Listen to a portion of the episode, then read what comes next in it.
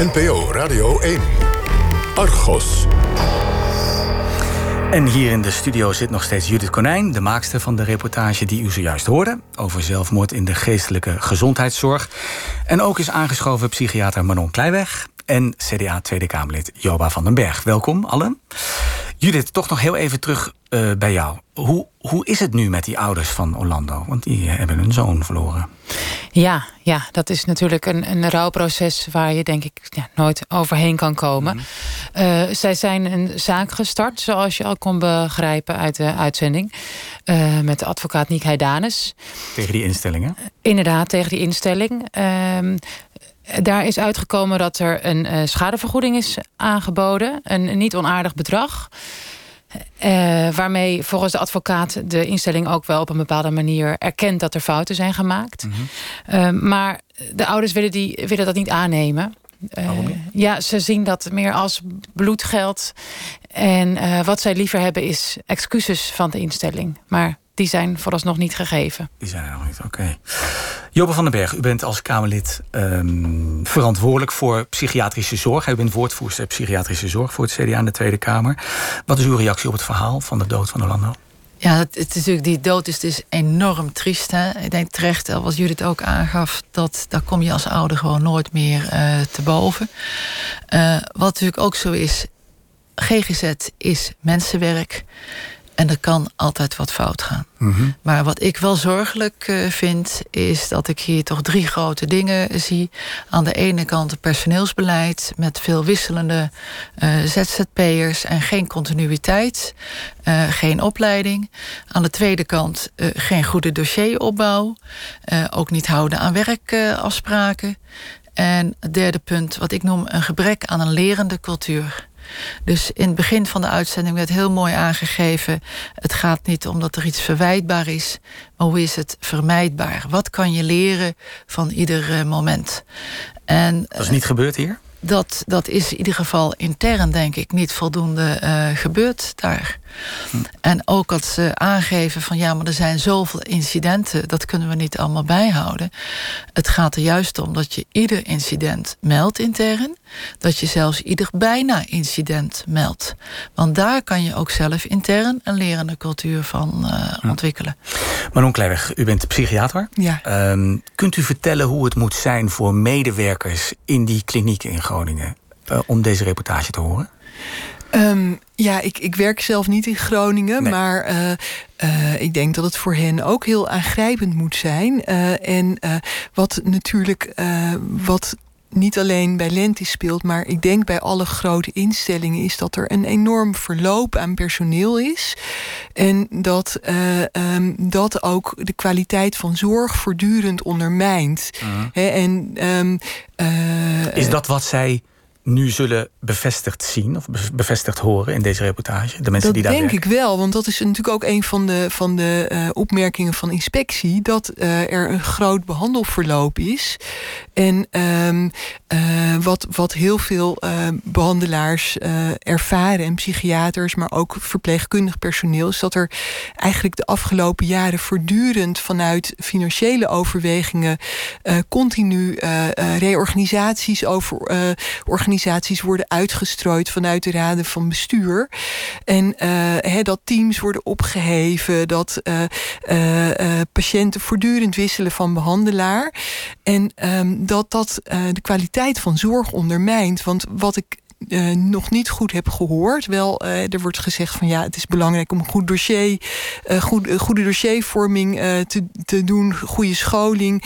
Maar um, een, een, een goed team, hè, dat is geen blikje doperten wat je zomaar opentrekt. Dat duurt gewoon, een, het kost tijd om een goed team op te bouwen. Hè. Je moet met elkaar bedenken van um, wat houdt die richtlijn voor ons team in?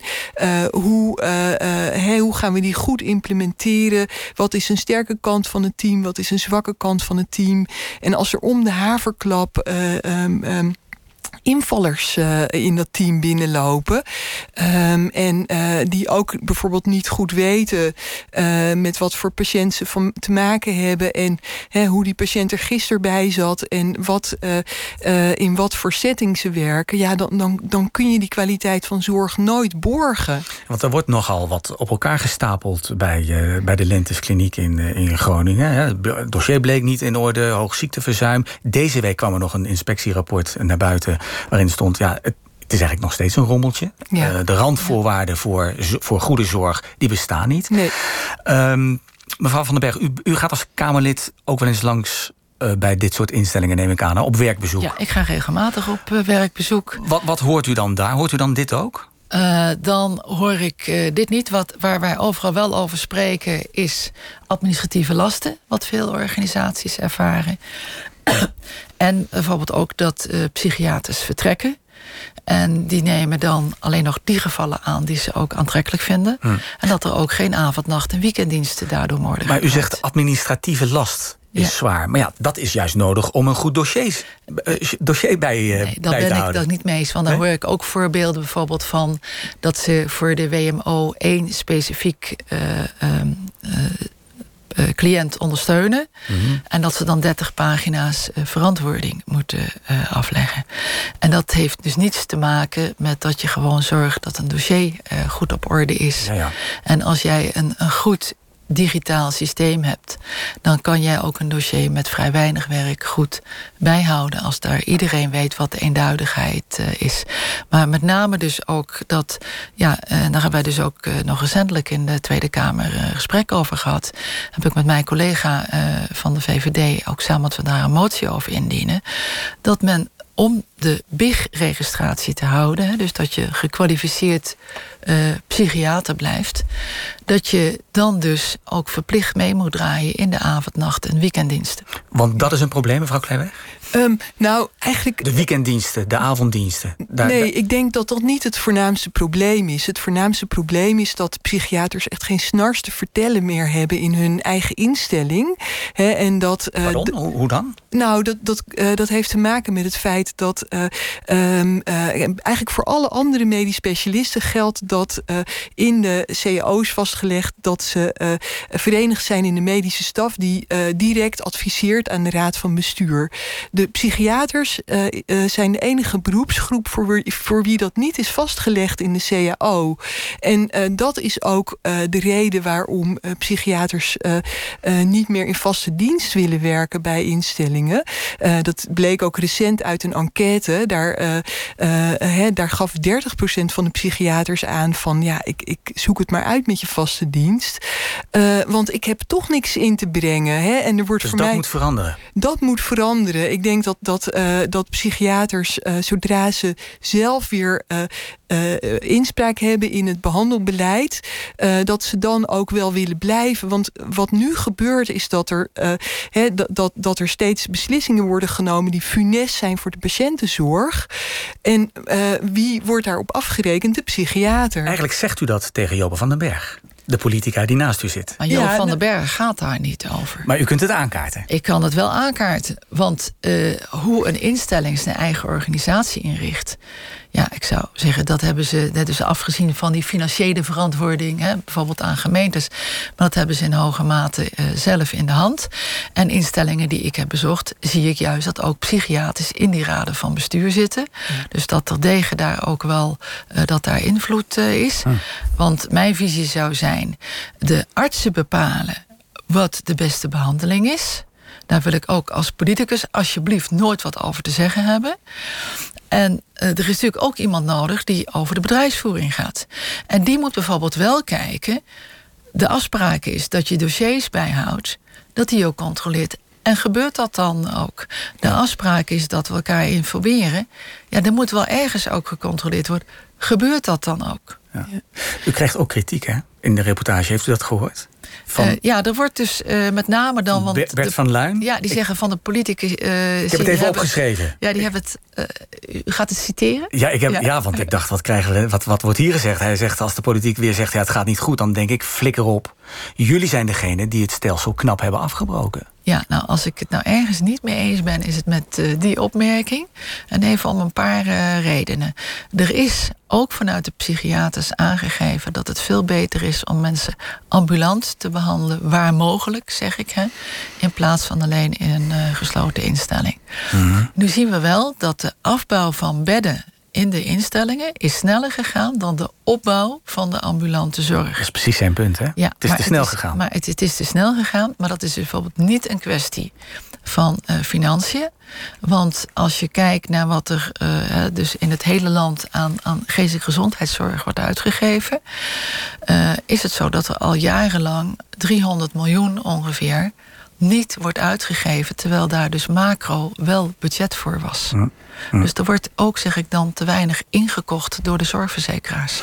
Even terug naar Orlando en de kliniek in Groningen, waar, waar zich dit allemaal afspeelde. Deze week, zoals ik zei, heeft de inspectie um, opnieuw een rapport uitgegeven. Een ernstige waarschuwing. Belangrijkste conclusie: onvoldoende randvoorwaarden om goede zorg te uh, verlenen. Ja, ik ben maar een leek. Als ik dat hoor, denk ik, moet die tent niet dicht. Wat denkt u? Nou, dat is uh, ten eerste aan de inspectie, die doet dat soms ook. Hè. Dan zeggen Mhm. ze van ter plekke nu en nu stoppen we ermee. Dat de inspectie hier blijkbaar nog ruimte ziet dat op vrij korte termijn mensen toch de organisatie op de rit kunnen krijgen. Mevrouw Kleiweg, wat denkt u als u dit hoort? Um, nou, ik, ik wou eigenlijk op iets anders inhaken. En dat is dat u zegt van ja, uh, uh, er wordt uh, genoeg geld uitgegeven aan GGZ. Um, dat, dat is ook zo, dat ben ik met u eens. En sterker nog, in Nederland, Nederland heeft de hoogste psychiaterdichtheid ter wereld. Na Noorwegen en Monaco. Dus het is echt niet te verkopen dat wij geen goede zorg kunnen bieden. En hoe kan dat dan? Ik denk dat ons, ons vak gegijzeld wordt door een paar partijen, namelijk die vier grote verzekeringsinstellingen en een, een handvol grote GGZ-instellingen. Ik uh, moet u afbreken, helaas, ja. maar we zijn door de tijd heen. Uh, Niettemin heel hartelijk dank voor uw komst. Uh, CDA Tweede Kamerlid Joba van den Berg. Psychiater Manon Kleinweg en natuurlijk Argos-collega Judith Konijn. Dit was Argos. Ik meld nog even voor de zekerheid... mocht u naar aanleiding van deze uitzending behoefte hebben... aan een persoonlijk gesprek over zelfmoord of zelfmoordgedachten hebben... neemt u dan contact op met die stichting 113 Zelfmoordpreventie. Dat kan via de website 113